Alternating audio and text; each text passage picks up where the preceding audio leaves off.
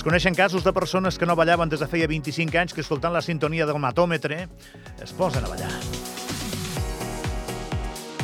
Com per exemple ara estem veient que ho estan fent el nostre productor Alex Moldes i el nostre tècnic de so Ricard Porcuna, una de les persones amb més feeling pel funky que ha trepitjat el continent europeu. Anna Mata, bon dia. Bon dia. No m'ho neguis, això. El què? Porcuna s'imbreja, ho saps. Ah, sí, però Porcuna s'imbreja sempre. És veritat que se li van ràpid els peus, però no li neguem mèrit a la sintonia. No li treguis mèrit al matòmetre. Per on va avui l'assumpte? Anna Mata, explica. Doncs avui us portem una temàtica que la setmana passada ja la vam portar en diverses ocasions, no només al matòmetre, sinó també doncs, en, altres, en altres moments del programa, i són els Premis Eslan, que han portat molta cua després de que hagin passat, que recordem que van ser divendres. Les tres presentadores de la Catifa Blanca van ser Crystal Molly, Carpimín i Nesum Ibai, crec que ho he dit bé, si no, doncs ja ens ho diran des de mm, Mèxic, que són d'allà. Uh, van ser les encarregades doncs, de presentar els premis a aquesta catifa blanca i són tres noies, tres amigues que han aparegut en directe juntes en diverses ocasions i eh, porten, com diríem, un, un mateix programa, que és un talk show que s'anomena Transnochando. I us preguntareu, per què es diu així?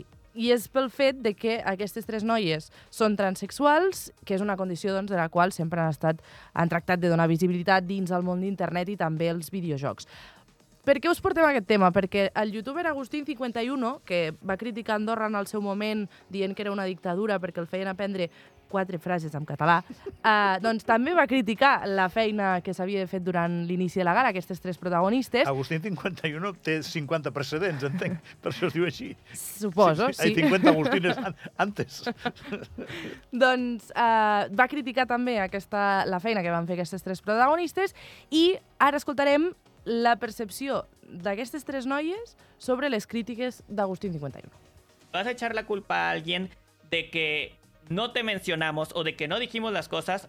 Pues échale la culpa a la producción de Gref o a tu amigo Gref, porque nosotras les dijimos antes, estaría bien ensayar, les pedimos tres veces una lista física de los invitados que iban a ir pasando en orden para saber. Teníamos un micrófono y en el micrófono lo único que nos decía la persona de, de ahí era, ya, eh, este, despídanse de Doncs el que deien és que justament Agustín 51 no estava a cap llista, no els havia dit ningú que passaria Agustín 51 per allà, i òbviament doncs, elles no sabien qui passaria. Si aquest xicot com es deien- queixa que, que a ell no li van fer cas. Sí, I ell se suposa que és important. però ell és superamic de De Gref. I tu, Anna Mata 238, que, eh, perquè jo he vist aquestes eh, noies patir una miqueta presentant els Estopa que no sabien qui eren. Això sí que ho he vist. Sí, primer els Estopa, després també que van estar, que estava mig nevant també quan, quan iniciava la gala, eh, no tenien paraigües, no anaven prou tapades perquè al final havien d'estar en una altra zona, segons van explicar. No las protegieron de la pinche lluvia. Correcto. I, i res, al final crec que és, eh, ha estat tot com el boom, no havien dit res fins, fins fa doncs, aquests dos dies, quan Agustín 51 va entrar al canal de Gref. Em fa molta eh, risa, Agustín 51. per, òbviament, criticar, perquè és el que més li agrada a aquest noi, a banda de jugar a videojocs, li encanta criticar absolutament tot. El Però bé, salseo. uh, no només això, perquè els Eslan, com dèiem, mm, van portar molta cua, i és que el- l'altre youtuber, Keroro, que va publicar a Twitter un missatge explicant que un dels nominats a aquests Premis Eslan, en la festa posterior que es va fer uh, al casino, um, el Temo, en aquest cas, Futbol con Temo, o així es diu, eh, havia viscut una situació de eh, presumpta violència masclista. Epa, això no és broma. Llavors, el, el fet era que, que el Temo eh, va estirar del cabell a la, a la que era la seva nòvia i es veu que el, aquest Keroro s'hi va posar pel mig. Cosa que eh, Temo va negar o va voler explicar a través de les xarxes socials a partir d'un vídeo que després va borrar. Per tant, ara estem amb tensió a veure què és el que passarà, si això va ser doncs, realment el que explicava Keroro, que era aproximadament a les 4 del matí, i, clar, mm, si tenim un cas d'aquests a una festa d'uns premis de youtubers, doncs al final creus que no estan donant la millor imatge que, que pots donar. I al final, si és un cas de violència masclista o d'agressió eh, cap a la teva parella, doncs òbviament s'ha de, de comentar. Fet, doncs, que va criticar Queroro a xarxes socials i Temo doncs, va decidir eh, fer un vídeo per després borrar-lo. Això no té recorregut policial, ni judicial, ni res, eh? De moment no. Vale, coses. Jo he llegit que el casino eh, el van tancar pels youtubers Mhm. i que la gent que anava de festa el dissabte, el divendres a la nit, no ho sabien i es van queixar. Bueno, aquestes Sí. coses passen, però... És que no sé si ho van avisar, diria que no ho van avisar haurien des del casino. d'avisar. Exacte. Vale, eh, de 0 a 10 de les coses que has vist tu a la vida, aquesta gala on la poses? Home, va estar bé. O sigui, a veure, van ser moltes hores allà sentats, però, però va estar guai. Jo em quedo amb l'actuació dels Estopa, sempre. Però un 7, un 8? Perquè no, vindrà, Sí. no vindran més aquí a Andorra, eh? Un, jo et donaria un 7 i mig, perquè al final entre... Un 7 i mig, un 8, sí. Perquè al final, entre tota l'organització, el- l'espectacle que van fer, no només el tema de l'entrega de premis, sinó també la Fura dels Baus, que també van estar presents, van iniciar tot el, el tema del directe, va ser superinteressant. I feien una cosa que tots portàveu una pulsera, no? Com quan vas a un concert de Coldplay, Mm. que ana- anaven totes coordinades, d'aquestes pulseres luminoses. Sí. I un dels premis anava per sorteig entre tots els assistents. Sergi Linares va ser protagonista. Bueno, I un càmera nostre li va tocar i va sortir a l'escenari a donar un premi. Tu no saps, quan el vaig veure baixant per les escales, ens quedem amb, amb, amb la frena, amb la meva parella, ens mirem així. Què fot Què és el? Linares? Què fot aquí, saps? Però sí, sí, ens va fer, ens va fer il·lusió. Per sorteig. Sí, sí. Bueno, I a part estaven treballant, vull dir, no estaven ni, ni de públic com a tal, no? Estaven fent feina. Però sí, sí, va ser, va ser divertit. Què més, Anna? Doncs un altre dels temes és un àudio que us portem ara del programa The Tonight Show Starring de Jimmy Fallon, que ha fet una cançó especialment dedicada a Donald Trump. Monday, rally. Tuesday, court. Wednesday, rally. Thursday, back to court. Friday, tea time. Saturday, chillin'. Sunday, cough up 80 million. Monday, fundraise, badmouth Nikki. Check the mirror, look just like gritty. Polling survey, Joe's ahead. Court, court, tea time, tanning bed. Approval rating, need a lift. Yell, I'm more famous than T Swift. Court case trial, be deposed. Where's Melania? No one knows. Court with Stormy, can't forget. 30 seconds of regret. Fire lawyer, quick tea time, sending Putin Valentines. Golf court, golf court, chicken bone. Call from Rudy, throw your phone. Court, golf court, not going great. George Santos might be cellmate. Losing cases, time is short. Thank God I stacked the Supreme Court. Doncs aquí jo m'he quedat amb, amb la frase de Melania, de rotllo, no sabem on està Melania, fa molts dies que no surten imatges de, de, Melania, de Melania Trump juntament amb Donald Trump. Igual ja està farta de sortir amb ella. Doncs segurament. És interessantíssim, Anna, això de, de Trump, eh?